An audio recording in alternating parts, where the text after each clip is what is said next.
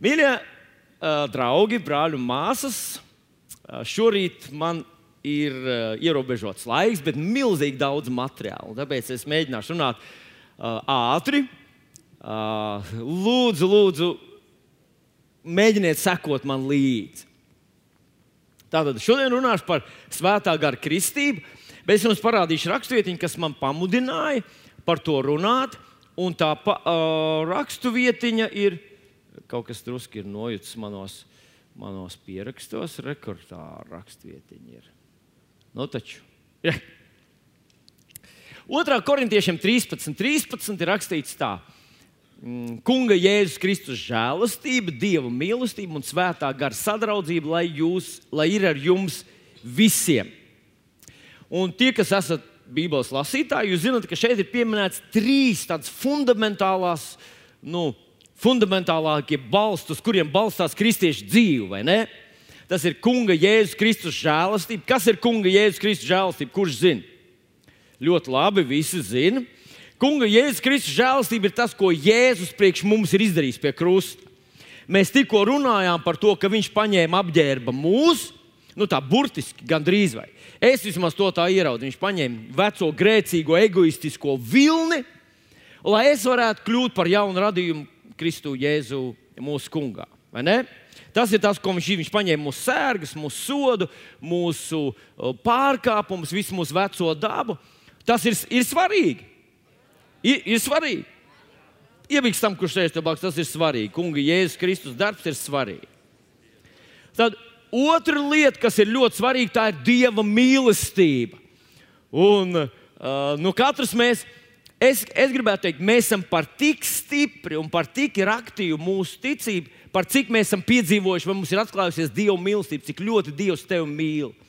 Tas tev sadziedē, tas tev harmonizē, tas tev dod spēku. Un, ja tev pietrūks dzīvības spēka, ja tev pietrūks, un tu esi tāds tā kā tāda rozīna, sažuvis iekšēji, protams, ārēji jūs izskatāties brīnišķīgi. Ja iekšēji tev nav spēka, un tu baidies, un tu nezini, vai Dievs būs ar tevi, vai viņš palīdzēs, vai viņš atsauksies, vai viņš īstajā brīdī parādīsies vai nē, tad tev vajag jaunu atklāsmu par to, cik ļoti Dievs tevi mīl. Tas ir kaut kas reāls. Apsolus Pāvils saka, ka mēs tiekam piepildīti ar Dieva mīlestību, pielieti Un, un saskaņā ar atklāsmes grāmatu 4.11. Es, es ticu, ka tā ir tā rakstītiņa. Mēs esam radīti tādi, ka mums to mīlestību vajag. Tas nozīmē, ka ja tu, tu varbūt vari izdzīvot bez viņas, bet tu nekad nebūsi tas, kāds tu esi radīts, lai tu būtu, ja tevī nebūs šīs dieva mīlestības. Mums tik ļoti vajag šīs dieva mīlestības, jo mēs esam radīti lai, kā zivs priekš ūdens, putns, lai viņš spētu lidot. Tā mēs esam radīti, lai mums šī dieva mīlestība, lai mēs to piedzīvotu, mēs tajā staigātu. Bet tikpat svarīga trešā komponente ir svētā gara sadraudzība. Un svētais gars tā ir trīsvienības trešā persona. Un es nesaku, ka svētā gara darbs ir svarīgāks par jēzus žēlstību. Es to nevaru pateikt. Bet es varu pateikt, ka svētā gara darbs ir ļoti, ļoti svarīgs. Un es gribētu šodien teikt, ka tas ir tikpat svarīgs kā Jēzus Kristus žēlastība, Dieva mīlestība un svētā gara sadraudzība. Tātad, tā trešā daļa, par ko mēs šodien runājam, ir svētā gara sadraudzība. Tātad mēs šodien runājam par svētā gara kristību. Tā es to nosaucu, šo virsrakstu, svētā gara kristība. Nu, un tā pirmā lieta, ko es gribētu, lai, lai, lai nu, tā pirmo tādu tēzi, ko izteikt, ko es gribētu, lai tu arī mēģini atcerēties. Es to paņēmu no Jāņa Kristītāja apgalvojuma, kad viņam jautāja, ko viņš te dara un, un, un kas viņš tāds ir un, un kāpēc viņš dara to, ko viņš dara. Tad eh, Jāņa evanģēlijā, pirmajā nodaļā, 32. un 33. pāns, Jānis Kristītājs saka tādus vārdus. Tad viņš saka par Jēzu, ka es redzēju garu nonākam kā balodu uz viņa un paliekam uz viņu. Un tad viņš saka, tā, 33. pāns. Es viņu nepazinu, bet tas, kas man sūtīs kristīt ar ūdeni, man sacīja, uz ko tu redzēsi garu nonākam kā balodi. Uh, uh, kā balodi nonākam no debesīm un paliekam, tas ir viņš, kas kristīs ar svēto garu. Viņam bija vēl kāds cits pazīmes, bet, kad viņam jautāja, viņš saka, tā galvenā pazīme, kā mēs pazīsim mesiju, kā mēs pazīsim uh, glābēju, svētais gars nonāks no, vi, uh, no debesīm un paliks uz viņu. Un tad viņš saka, viņš būs tas, kurš kristīs ar svēto garu. Un acīm redzot, Jānis viens to neteica. Pēters mums vēlāk saka, arī Jēzus sacīja šos pašus vārdus, ka Jānis jūs kristīja ar ūdeni, bet jūs tiksiet kristīti ar svēto garu. Eh, šīs ir tās raksturvietas, no kurienes mēs esam paņēmuši šo te, um, apzīmējumu, kristīts svētajā garā. Tātad tā galvenā pazīme par Jēzu un viņa kalpošanu, Jānis Kristītājs teica, viņš būs tas, par kuru nonāks Dieva svētais gars. Un es šodien tā pirmā tēze, lai, kur gribētu, lai to atceries, ka Jēzum to vajadzēja. Pasak līdz ar manīm, Jēzum to vajadzēja. Nu, uz mirklī padomāsim, ko tad mēs zinām par Jēzu. Ko mēs zinām par Jēzu? Mēs zinām, ka viņš piedzima kur? Betlēmē. Tur bija ganiņi un kas vēl? Un aitiņas, nu, zvaigznes, nu, mājiņa, un kūtiņa un tā tālāk. Viņš tur piedzima. Bet ir vēl svarīgākas lietas par šīm. Un tā pirmā lieta ir piemēram tā, ka eņģelis Lūkas evanģēlijā pirmajā nodaļā atnāk pie Marijas un saka viņai, ka tev būs bērns. Tad Marija viņam saka, ko? Es neapzinos vīrietis, uh, nu, manā dzīvē nav bijis. Viņa nebija tik medicīniski izglītota, bet viņa ļoti labi zināja, kā radās bērni. Man nav bijis vīrietis, un tad viņš saka šādus vārdus: Eņģels, svēts gars nāks pār tevi, visaugstākās spēks tevi apēnos, tāpēc tas, kas no tevis dzims, būs svēts un taps nosaukts Dieva dēls. Tātad Jēzus tēvs nebija Jāzeps fiziski. Jēzus tēvs, ja mēs tā burtiski runājam, tādās kategorijās bija kas? Dievs. Svētais gars nonāca pār Mariju, un viņa palika stāvoklī. Ja mani bērni nesa manus gēnus, tad Jēzum bija dieva gēni. Mēs zinām, lasām tālāk par viņu, ka viņš bija bezvainīgs. Bet ziniet, ko vēl mēs lasām?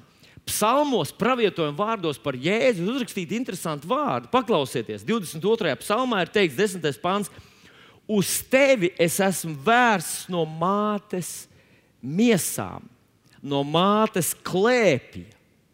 Tu esi mans dievs. Man radās attiecības ar Dievu, vai sāk domāt par Dievu, vai saprast kaut ko par Dievu. Nu, Kad es skatījos uz saviem vecākiem, mēs gājām uz dievkalpojumu. No sākuma es pieradu pie tā, ka tas, tas pats, kas lielveikalā piedzimst, daudz cilvēku apkārt. Bet, zinot, vēlāk es sāku saprast kaut ko par Dievu, sāku veidot savas attiecības, runāt ar viņu. Par Jēzu ir teikts, ka viņš to dara no mātes klēpja. Tu vari piedom, iedomāties bērnu, kurš piedzimst un saka, Halleluja, šalamara, hadegela, purugedegija. Nu, labi, viņš nelūdz valodās, jo viņam, nu, viņam bija daudz tiešākas attiecības ar Dievu. Bet tā par viņu ir uzrakstīts. Vēl mēs zinām, ka Jēzus 12 gadu vecumā, kad viņa vecāki bija aizgājuši uz Jeruzalemi, uz templi, viņš palika trīs dienas Jeruzalemē. Vecāki viņu pazaudēja uz trim dienām. Lūdzu, nepazaudiet savus bērnus šeit uz trim dienām, jo mēs jums zvanīsim jau pirmās dienas vakarā, ja jūs viņus atstāsiet. Bet padomājiet, trīs dienas viņi pazaudē bērnu jēzu, un tad viņi atrod viņu kur? Nevis policijā, nevis bāriņu tiesā, nevis, nevis nu, kaut kur pie atrasto mantu birojā. Viņi atnāk pēc trim dienām un atrod viņu. Viņš ir templī un viņš runās ar augstiem priesteriem un rakstu mācītājiem. Un tiem ir acis uz kātiņiem, jo viņš jautā viņus, Katrs bērns var pastāstīt par mazo eglīti vai mazo cūciņu pepi, kur viņš tur, ko mamma viņam ir izstāstījusi. Bet viņš runā ar viņiem par Dievu vārdu. Un tie vecie veči, kur visu savu dzīvi ir nolikuši, un tikai to vien dara, kā studē, kā mācās iepriekšējo rabīnu, un ir bijuši diži rabīni, diži skolotāji tajos laikos. Jēzus viņ, viņ, visus viņus pārspēja 12 gados. Vēlreiz. Tātad Jēzus piedzima no svētā gara. Viņam ir svētā gara gēna. Viņš 12 gados zināja Bībeli tā, ka visi vecie rakstu mācītāji vienkārši bija autā. Viņš bija bezvainīgs. Atcerieties, eņģeļi dziedāja pie viņa, nu, kad, kad viņš piedzima. Un līdz 30 gadu vecumam viņš neko neizdara. Neko. Līdz pār viņu nenonāk Dieva svētais gars.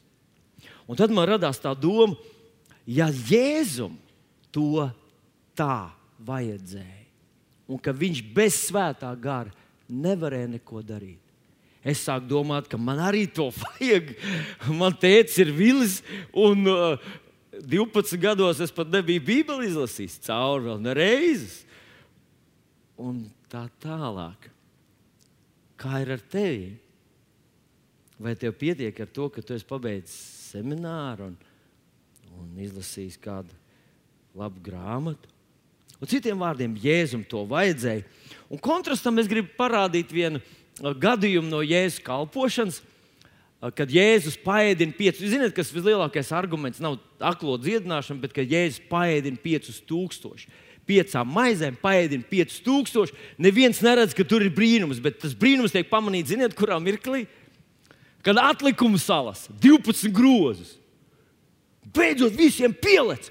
Un tad ir cilvēki, kas saka, tas patiešām ir mesija. Jo neviens cits nav ēdinājis. Elīja pats izdzīvoja, bet vienīgi Mozus uh, um, paēdināja ar mani no tūkstošiem tos daudzos cilvēkus. Un tad viņš teica, būs viens kā es, tam klausot, jo tam, kas tam neklausīs, tas, tiks, tas aizies pazušanā. Viņš runā par Jēzus pravieto. Un Jēzus to izdara. Piecām maizēm, 5012 grozi. Un viņi saka, tas ir mesija. Ejam un ceļam viņu par ķēniņu. Un ko Jēzus dara? Tā vietā, lai, hei, puiši, aleluja, viņi to saprata. Tēvs, viņi to saprata. Jēzus viens pats klusiņām pazūd, un viņu entuziasms apsīkst, jo Jēzus vairs nav. Jā, nā, kā nav, tā nav. Nu, tad? Jā. Citiem vārdiem, viņš negrib, lai viņi savā cilvēciskā enerģijā un spēkā iet un dara to, kas ir pareizi. Jēzum to vajadzēja, un mums to arī vajag. Vēl viena ļoti svarīga doma, gribētu, lai jūs padomājat uh, ar maniem.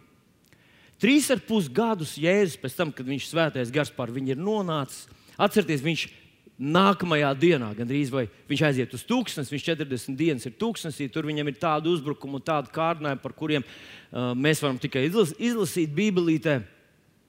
Viņš atgriežas no tūkstneša, un tad viņš ir trešajā dienā, viņš ir kāzās.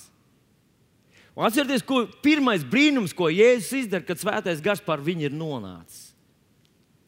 Un man šķiet, ka tas būtu ļoti harmoniski, ja tas būtu asinsērdzīgās sievas dziedināšana salauztās, sagrauztās atraitnes stiprināšanu. Vai, vai kaut kas tamlīdzīgs. Bet pirmais brīnums, kur Jēzus izdara, viņš aiziet uz kāzām un kāzās. Nu, labi, maizes pietrūka. Nē, maizes viņam nepietrūka. Pagāni tādi. Viņam pietrūka vīns. Un Jēzus izmanto šo Dieva doto svētā gara spēku, lai pārvērstu ūdeni par vīnu. Jūs esat mēģinājuši to darīt? Mūsu laikā tas vairs nedarbojas. Tas tiešām vairs nedarbojas, jo mums pārāk daudz vīna jau ir visur.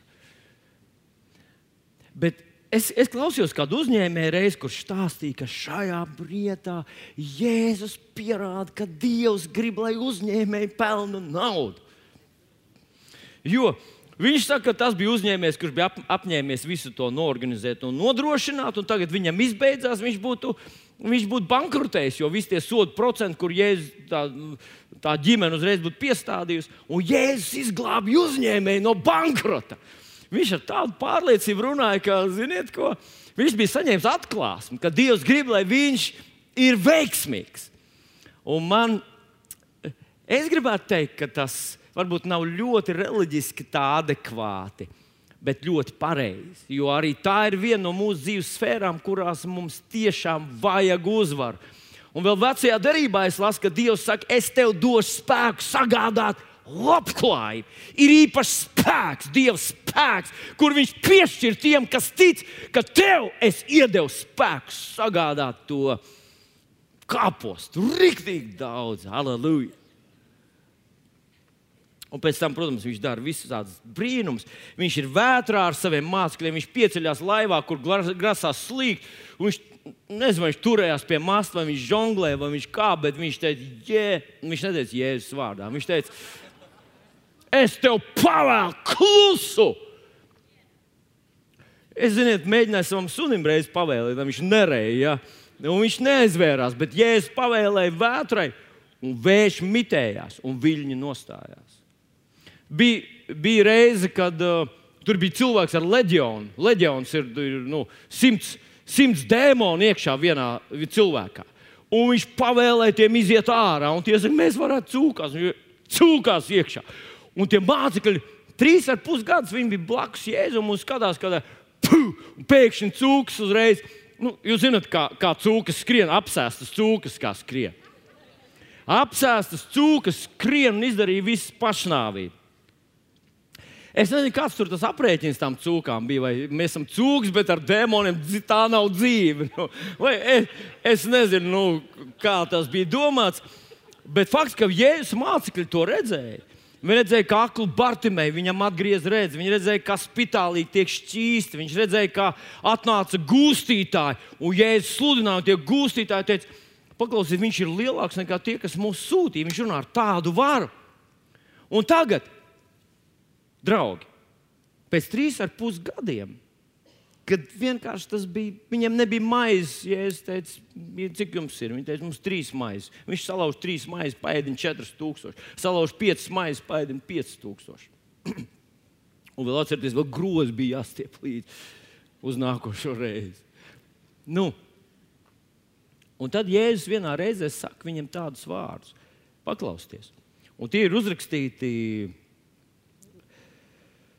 Tie ir uzrakstīti Jāņa Evangelijā 16. nodaļā, 7. 7. pāns. Un viņš saka ļoti, ļoti interesantā formā. Tātad viņš saka, ka svētā gara kristība ir labāka jums nekā es būtu pie jums. Nu, re, kā tas ir Jānis 16, 7. Paklausieties to viņa formu, kā viņš runā. Tomēr es jums saku patiesību. Tas jums par labu, ka es aizēju. Jo, ja es neaizietu, svētais gars pie jums nenāktu. Paklausieties, tomēr saku, tomēr tā ir patiesība. Viss, ko Jēzus runāja, bija patiesība. Pat ja viņš kādreiz pajokoja, tā vienmēr bija patiesība. Viņš, viņš pats bija patiesība. Viņš teica, es esmu ceļš, patiesība un dzīve. Nevienu reizi tu nevarēji nekur pieķert, ka Jēzus būtu kaut ko pateicis divdomīgu. Un tomēr šajā vietiņā viņš saka, īpaši akcentējot, tas, ko es tagad sacīšu, tā ir vēl vienalga patiesība. Jo tas, tas likās, nē, tā, ne, tā nevar būt. Nevar būt nekas labāks. Tā nav iespējams. Bet Jēzus teica, ka svētais gars pie jums nāks, un tas priekš jums ir labāk nekā es jums stāvētu blakus. Un vēlāk mēs konstatējam, kāpēc tas ir. Jo svētais gars bija pār mums, pie mums, bet tagad viņš būs mūsos. Ar tiem cilvēkiem, ar viņu mācekļiem pēc svētā gara nākšanas notika lielākas pārmaiņas nekā tad, kad viņi staigāja Jēzum blakus un savām acīm redzēja un bija dalībnieki tajos neskaitāmajos brīnumos. Svētā gara kristība priekš mums ir labāka. Pasaka līdzi ar maniem, svētā gara kristība mums ir labāka nekā Jēzus klātbūtne. Es zinu, nevienmēr tas tā tiešām liekas. Šķiet, ka tas ir pilnīgi nu, kā paga... Jēzus man blakus būtu labāk nekā svētais gars. Bet, ja es saku, es, tā ir patiesība, ko es jums teicu, saku, svētais gars tev ir labāk nekā es esmu tev blakus. Un kāpēc tā ir? Apstākļu darbu, viens astoņi, mēs zinām, bet jūs dabūsiet spēku kad svētais gars būs nonācis pie jums un būsiet man liecinieki Jeruzalemē, Jūdejā un Samarijā un līdz pat pašam pasaules galam. Spēks ir tas, kas kristiešu dzīvē ir vajadzīgs, lai viņš varētu būt liecinieks ar vārdiem vien par mazu. Un tādā apstuļu darbos rakstīts uh, otrajā nodaļā, ka viss tika piepildīts ar svēto garu, piepildīti, piepildīti, pieliet pilni ar svēto garu. Un viņi runāja mēlēs, tā kā gars tiem deva izrunāt.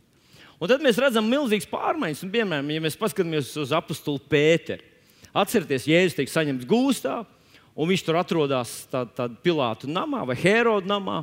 Un Pēters tur arī iezogās iekšā, un viņš tur pie uguns, kur uh, tumsā vakars jau tumšs. Tie, kas esat bijuši austrumu zemē, zinat, ka tur strauji satumst. Un tur pie uguns, kur nu, kādreiz mums liekas, pie uguns, kur viss ir labi, bet pie uguns, kur ir ļoti grūti saskatīt tās ēnas lēkā, un tur to saskatīt cilvēku seju ir grūti. Viņš bija drošībā tiešām. Un tad viena kalpone saka, hei, paklaus, dzird latviešu izrokas, vai tik tu neesi arī no Galilejas, vai tu neesi viens no viņa mācekļiem. Un uh, Pēters saka, māte, kā tavu māti, es neesmu. Nu, viņš tā burtiski sāk lamāties un lādēties, lai, uh, lai viņi saprotu, ka viņš nav. Un pēc mirkļa kāda cita sieviete hei, Rei, tu esi no turienes, es paskatos, kā, kā tu sacīji. Mm, nu, kā, kā viņi saka? Nu, piemēram, mācītājs Vilnis no Liepājas saka, nevis mūrēt, bet mūrīt. Mūrīt. Mūrīsim. Es saku, ko jūs mūrīsiet? Nu, tā valoda viņa nodeva, viņš kaut ko pateica. Viņš teica, ej, tu esi no viņa mācekļiem. Un viņš teica, Atkal viņš sāk lādēties, un viņš to dara trīs reizes. Un pēc tam, kad viņš ir saņēmis svētā gara kristību, Pēters stāv dieva namā, kur ir varizēji, kur ir uh, saduķēji, kur ir apsardz, un, vis, un viņš sludina. Un viņš sludina nevienu no tām jaukajām, mīļajām svētdienām par to, ka mēs jau esam Abrahama bērni, mums pieder viss apsolījums. Viņš saka, jūs viņu nodevāt, jūs viņu ar noziedznieku rokām krustā piesitāt, jūs pretojaties svētajam garam vienmēr. Un tad tie cilvēki saka, hopā! Jā, kas mums, ko lai mēs darām? Un viņš saka, viņam nožēlot savus grēkus, atgriezties. Ar Pēteru notika dramatiska pārmaiņa.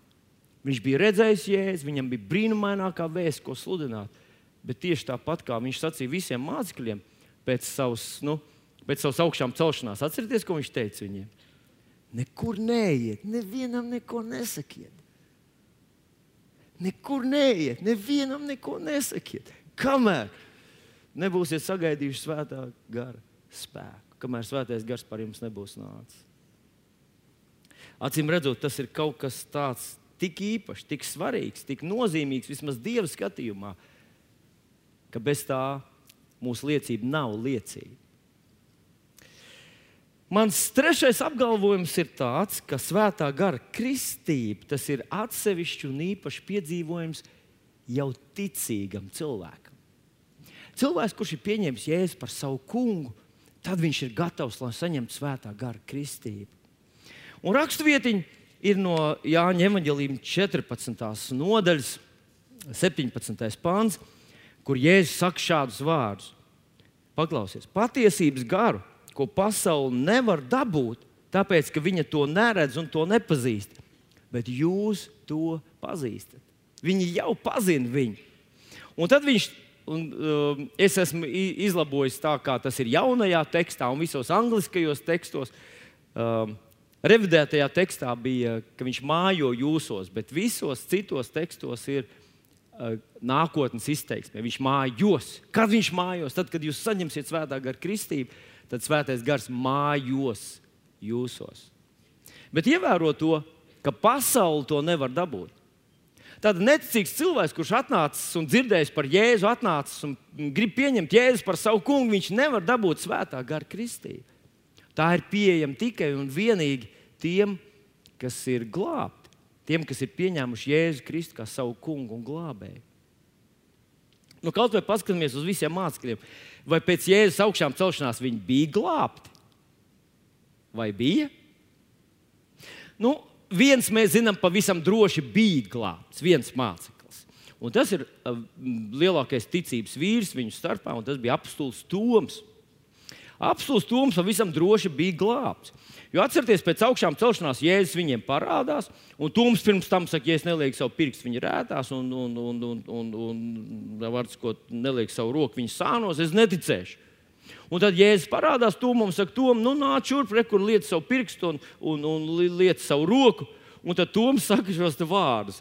Nu, kurus Jēzus vēlāk viņam apstiprina. Tu ticēji, tāpēc, ka tu redzēji, svētīgs, kas neredz un tomēr tic. Bet no tā mēs saprotam, ka viņš tagad tic savā sirdī, ka Jēzus tiešām ir augšām cēlies. Un atcerieties, Romiešiem 10, 9, 10 ir rakstīts, ja tu ar savu sirdi tici, ka Jēzus ir uzcēlies augšām cēlies no miroņiem un ar savu mutu apliecina Jēzu par savu kungu, tu esi glābts. Un ko apelsīns Toms saka tajā mirklī, kad Jēzus viņam saka, liec un, un pieskaries un tici? Ko viņš viņam saka? Mans kungs un mans dievs. Tātad no visiem jēzus 12 neticīgajiem mācekļiem vienīgais, kurš patiešām bija glābts, un mēs zinām, droši ir apstults Toms, jo viņš teica, mans kungs un mans dievs. Viņš apliecina Jēzus par savu kungu, un Jēzus pats apliecina, ka tagad viņš tic, ka Jēzus ir augšām cēlies no mirušiem. Viņš ir glābts. Un Jēzus saka viņam arī, paliec Jeruzalemē un gaidi, līdz tu saņemsi šo svētā gara kristību. Ticīgam cilvēkam Tā ir, tā ir viņa pieredze tagad. Rekur apakstuļu darbos 19. nodaļā ir stāsts par Evezes draugu. Evezā cilvēki bija dzirdējuši uh, par Jēzu, viņi bija pieņēmuši Jēzu par savu kungu. Un mēs lasām to uzrakstītu, ka Pāvils nonāk Korintā, pārsteigā augstienes apvidus, nonāk Evezā un sastaps dažus mācekļus. Viņš tiem sacīja, vai jūs dabūjāt svēto garu, kad kļuvāt ticīgi. Vai jūs dabūjāt svēto garu, kad jūs kļuvāt ticīgi? Un viņi viņam atbildēja, mēs pat neesam dzirdējuši, ka svētais gars ir. Tas bija pirms 2000 gadiem. Bija cilvēki, kas nebija dzirdējuši, ka svētais gars ir. Bet vien no mūsu, viens no mūsu cilvēkiem bija, viņam bija paziņa kādā citā draudzē, tur kaut kur sloks ielas. Un vienā dienā viņi runājās par dažādām garīgām lietām. Un tad tas cilvēks no mūsu draugs jautā tam cilvēkam no, no, no, no pārdaugās, saka, vai, vai, vai jūs svēto garu saņemat, nu, vai, vai tev ir svētais gars? Un tas cilvēks vienkārši izbolīja acis tāds tā kā, nu, tā kā mandarīni vai apelsīni. Un teica, nu, točni tu esi sektā. Kāds vēl svētā gara kristīte? Ko, ko jums tur ir? Nu, kas ar jums tur notiek? Ir arī šodien cilvēki, kas nav dzirdējuši par svētā gara kristību. Un ir mācītāji, kas par to nerunā un nestāsta. Un domā, ka pietiek ar to, ka tu vienkārši e, esi izlasījis Bībelīti, un ka tu no, izlasīji kādu grāmatu, noklausies manas prediķi. Bet, manuprāt, Bībele ļoti konkrēti un ļoti tieši saka, ar to vien ir par maz. Tev vajag svētā gara kristību, tev vajag spēku tavā dzīvē. Tātad Mēs pat nezinājām, kas svētais gars ir. Iespējams, ka tie bija cilvēki, kas bija dzirdējuši ap Jāņa Kristītāja liecību, kad viņš norādīja uz Jēzu. Iespējams, ka tie bija cilvēki, kas bija atnākuši pie Filipa un teica, parādi mums Jēzu. Iespējams, ka tie cilvēki pat bija liecinieki, ka Jēzus augšām cēlās, un tad viņš parādījās, kā tur rakstīts, 500 brāļiem dažādos, dažādās formās un dažādās reizēs. Bet acīm redzot, viņi nebija palikuši līdz vasaras svētdienai, dienai, jo no Kristus augšām celšanās līdz vasaras vai dienai, kurš atcerās, cik daudz dienas pagāja? 50 dienas. Tāpēc ir tāda vasaras vai draudzes, kas sevi sauc par 50-niekiem. Laikam vairāk tas ir iz, Ukrainā un, un Krievijas valodā. Viņi sauc Vikto Mipitiģisētniki. Мы пятидесятники. Iebiks tam, kurš sēž tev blakus, saka, tu esi pятидесятniks. 50 dienas. Varbūt, cilvēki nevarēja tik ilgi. Viņi aizbrauca prom, viņi nemaz nezināja, ka svētais gars ir nonācis. Un tāpēc viņi saka, mēs pat nezinām, ka svētais gars vispār kaut kas tam līdzīgs ir. Un tad viņš jautā, ar kādu kristību jūs esat kristīti. Viņi saka, ar Jāņa kristību. Un tad rakstīts tā 4. pantā, es lasu no apstuļu darba 19.4. Pāvils sacīja, Jānis Kristīja ar grēku nožēlas kristību ļaudīm sacīdams, lai tie tic tam, kas nākšot pēc viņa, tas ir Jēzum to dzirdējuši, viņi tika kristīti kunga Jēzus vārdā, un Pāvils uzlika tiem rokas. Un svētais gars nāca par tiem, tie runāja mēlēs un pravietoja. Viņi bija ap 12 vīri. Viņi runāja mēlēs un pravietoja, aleluja! Katru reizi, kad es lasu šīs raksturvietas, es novērtēju, ka mēs esam tik ļoti autentiski, tik ļoti bibliski. Arī mēs runājam mēlēs. Halleluja! Par mēlēm es īpaši runāšu nākamajā svētdienā. Lūdzu, ja tev tas mēļu jautājums neliek mieru, neizlaid to. Ja tev ir kāds draugs, uzaicini viņu, mēs parunāsim par mēlēm nākamajā reizē. Bet šodien mēs vēl neesam beiguši. Ne? Mēs pat netuvojamies noslēgumam. Nē. Vēl vienu gadījumu gribētu ar tevi paskatīties, un tas ir atkal līdzīgs gadījums apstuļu darbos, 8. nodaļā. Samarijā ir cilvēki, kas ir pieņēmuši uh, Jēzu Kristu kā savu kungu, savu glābēju un ir glābti.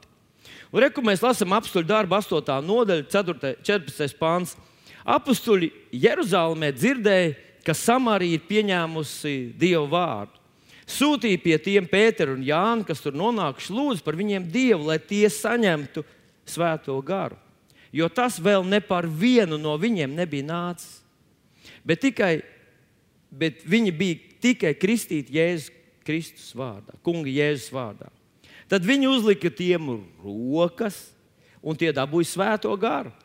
Un Sīmans, tur bija kāds Sīmans Burvis, kurš gribēja kaut kā izcelties viņa vidū ar tādiem nepareiziem motīviem. Viņš redzēja, ka tad, kad uzliek rokas, kaut kas ar tiem cilvēkiem notika. Un mēs zinām, kas viņi sāk runāt mēlēs te, šis fenomens pavadīja vienmēr visus tos, kas saņem svētā gara kristību.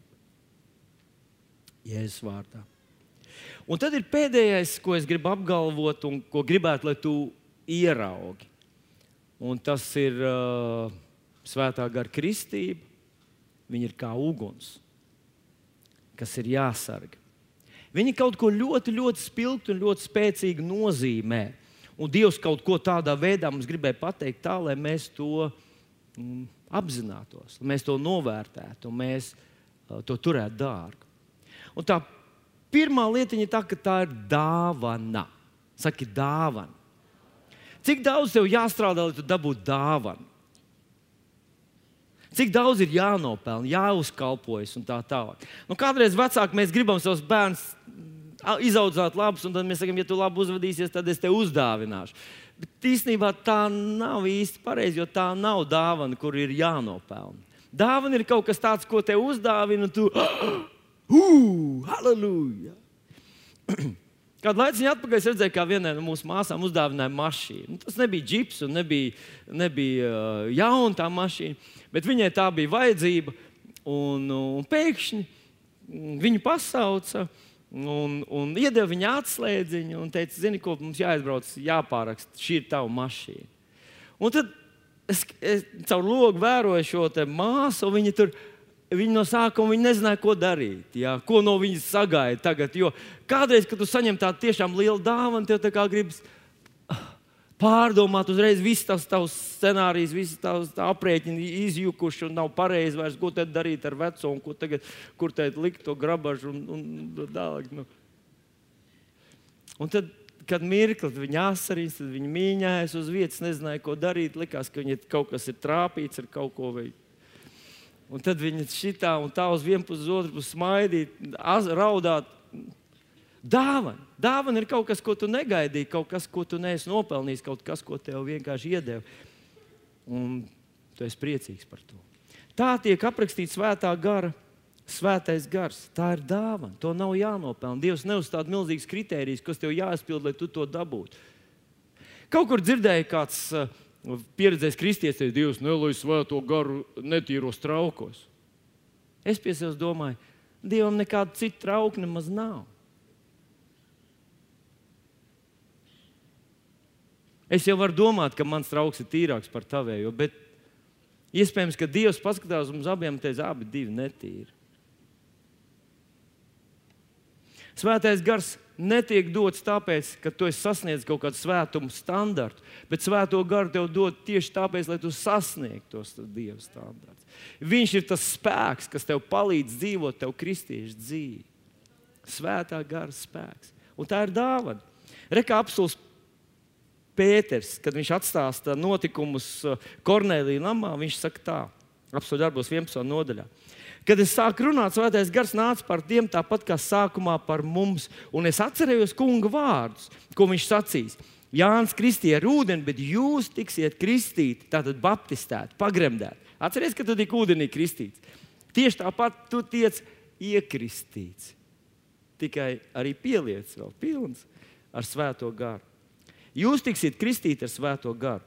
Ja nu Dievs viņiem devis tādu pašu dāvanu kā mums, kas esam ticējuši kunga Jēzu, kungam Jēzum Kristum, kas tad es esmu spējis? Esmu, e, kas tad es esmu, ka būtu spējis Dievam pretoties?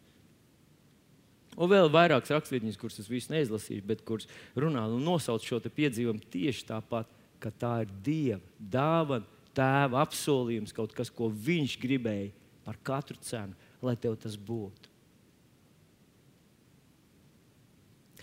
Bet vēl viena Jūs atceraties to stāstu. Apsolūti darbos otrajā nodaļā mēs lasām, kad vasaras svētā diena bija atnākusi. Viņi bija sapulcējušies vienā vietā un piepieši no debesīm nāca rūkoņi, it kā stiprs vējš pūstu un piepildīja visu namu, kur, kur tie sēdēja. Viņiem parādījās it kā uguns mēlis. It kā uguns mēlis, kas, kas pār viņiem uh, nolaidās. Uguns mēlis. Vai jūs zināt, kad vēl uguns ir nolaidusies no debesīm?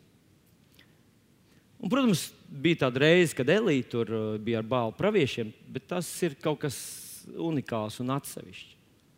Bet pamatā vienmēr dieva uguns nonāca tad, kad tika iesvētīts dieva nams. Kad Mozus iesvētīja templi, viņš izgatavo visu tā, kā Dievs viņam bija parādījis uh, debesīs, viņš to izgatavo, tad viņš tur uzliek altu, un dieva uguns atnāk un aprīt to upuri. Un tā ir tā reize, kad priesteris šo uguni pēc tam uztur. Tas bija viņa pienākums diennaktīm, diennaktīm, diennaktīm, diennaktīm gadiem ilgi uzturēt šo dievu uguni, kas bija atnākusi no debesīm. Tad, kad Salamans uzceļ šo templi, kur Dievs viņam bija ir, ir, nu, parādījis, kā, un viņš to iesvēta, tad Dieva uguns nonāk no debesīm uz altāra un aprīt to upuri, kas tur ir. Un tā ir tā svētā uguns, kuru pēc tam priesteris sargā un uztur un uztur. Un uztur. Jaunajā darbā mēs lasām, ka nav vairs tāda dieva nama. Dievs nedzīvo mājā, nedzīvo Jeruzalemē. Nav tādas vietas. Mēs lasām, mēs esam dieva nams. Un faktiski, tad, kad vasaras svētā dienā šī dieva uguns nonāk no debesīm, tā apliecina, tā aizdedzina šo dievu uguni mūsos. Svētais gars viena no veidiem, kā viņš simbolizē, kā viņš atklājas, ir kā uguns. Viņš deg mūsos, mēs ar tevi esam šis te dieva nams, kur dievs mājo, viņa klātbūtne, viņa spēks, viņa acis mums ir pievērsts, mūsu lūgšanas, viņš ir pievērsts savu ausu mūsu lūgšanām. Un šeit, trešajā mūža grāmatā, ir tāds gadījums, kur, kur uh, šī uguns ir atnākusi. Bet uh, tur ir divi ārona dēli, kuriem tā uguns ir jāsargā. Un ne, es nezinu, kā tas notika, bet viņi ļāva šai ugunī nodzist. Un tagad nu, viņi konstatē no rīta, ka tās uguns nav. Viņi jau bija, nu, nebija problēmas dabūt uguni kaut kur. Viņi dabūja to uguni kaut kur cilvēcīgi, dabūja cilvēcisku risinājumu, kaut kur dabūja to cilvēcisku uguni un atnes atpakaļ un aizdedzināja, kā nekas nebūtu bijis. Un tad tur rakstīts, ka Dievs mm, es nezinu. À, tad no tā kunga izgāja uguns un aprīja viņus. Un viņi nomira tur tā kunga priekšā. Un zinat ko? Protams, tas ir simboliski. Bet manā izpratnē Dievs mums cenšas pateikt, ka Viņš nesagaida, lai mēs saviem cilvēciskiem risinājumiem uzturam sevi uh, dedzīgus, uzturam sevi dzīvus, uzturam sevi patiesus, uzturam sevi īstus kristiešus. Lai mēs kalpojam Dievam ar savu cilvēcisko muskuli, ar to savu cilvēcisko raksturu, savu mērķticību. Es, es, es kādu vīru zināju, kurš tā ļoti mācīja emocionāli pateikt, es esmu, es esmu buldozers. Es, ne, ne tas, kur jūs domājat, bet cits arī par sevi teica, ka viņš ir buldozers, nu, viņš ir baigais, un viņam tikai pasaka, kur jā, un viņš izcīnīs visu. Iespējams, ka viņš tāpat mēģināja ar dievu lietās, nu, ar to savu cilvēcisko muskuli, bet tas cilvēciskais muskulis beidzās. Dievam nevajag, lai to ar savu savu to lielo, to es esmu liecinieks. Bet viņam vajag to uzticēties viņam. Un jā, tā uguns tev ir jāsaka, tev ir jāliek uz tā altāra visu laiku kaut kas. Jā. Jā, tā ir mūsu atbildība. Neļaut, lai tā uguns izdziest. Tu meklē Dievu, tu nodod sevi pašu kā dzīves svētā, Dievam patīkamu upuri. Tu meklē viņa vārdu, tu centies eh, saprast viņa gribu, tu skaties ar vien vairāk viņa apsolījumus. Tev nepietiek tikai ar to apsolījumu, ka viņš dod spēku sagādāt labklājību. Tev vajag vēl daudz citus apsolījumus, dzīvot tajos, ēst tos, censties izdarīt viņa gribu censties izdarīt viņa gribu, un ļoti bieži izdarīt viņa gribu, tev liksies, ka tas ir sevi aizliegt. Aizliegt sevi, tas ir labākais, ko tu vari izdarīt. Jo katru reizi, kad tu sev aizliedz, tu sev kaut ko iegūsti. Un katru reizi, kad tu taisi kompromisu, lai kaut ko iegūtu, tas, tas ir Bībelē tu to redzēt atkal un atkal. Tas ir pilnīgi likums. Ja tu kaut ko nodod no dieva lietām, lai kaut ko iegūtu, tu to lietu esi pazaudējis uz visiem laikiem. Bet, kad tu kaut ko upurē no sevis, lai Dievs iegūtu, tu to esi ieguvis. Aleluja! Nu, lūk, Dieva svētā gara kristība vajadzēja Jēzum. Tas ir kaut kas, kas uh, ir labāk nekā Jēzus tev blakus un mēs neesam apdalīti salīdzinājumā ar mācekļiem, kas staigā ar Jēzu visu laiku.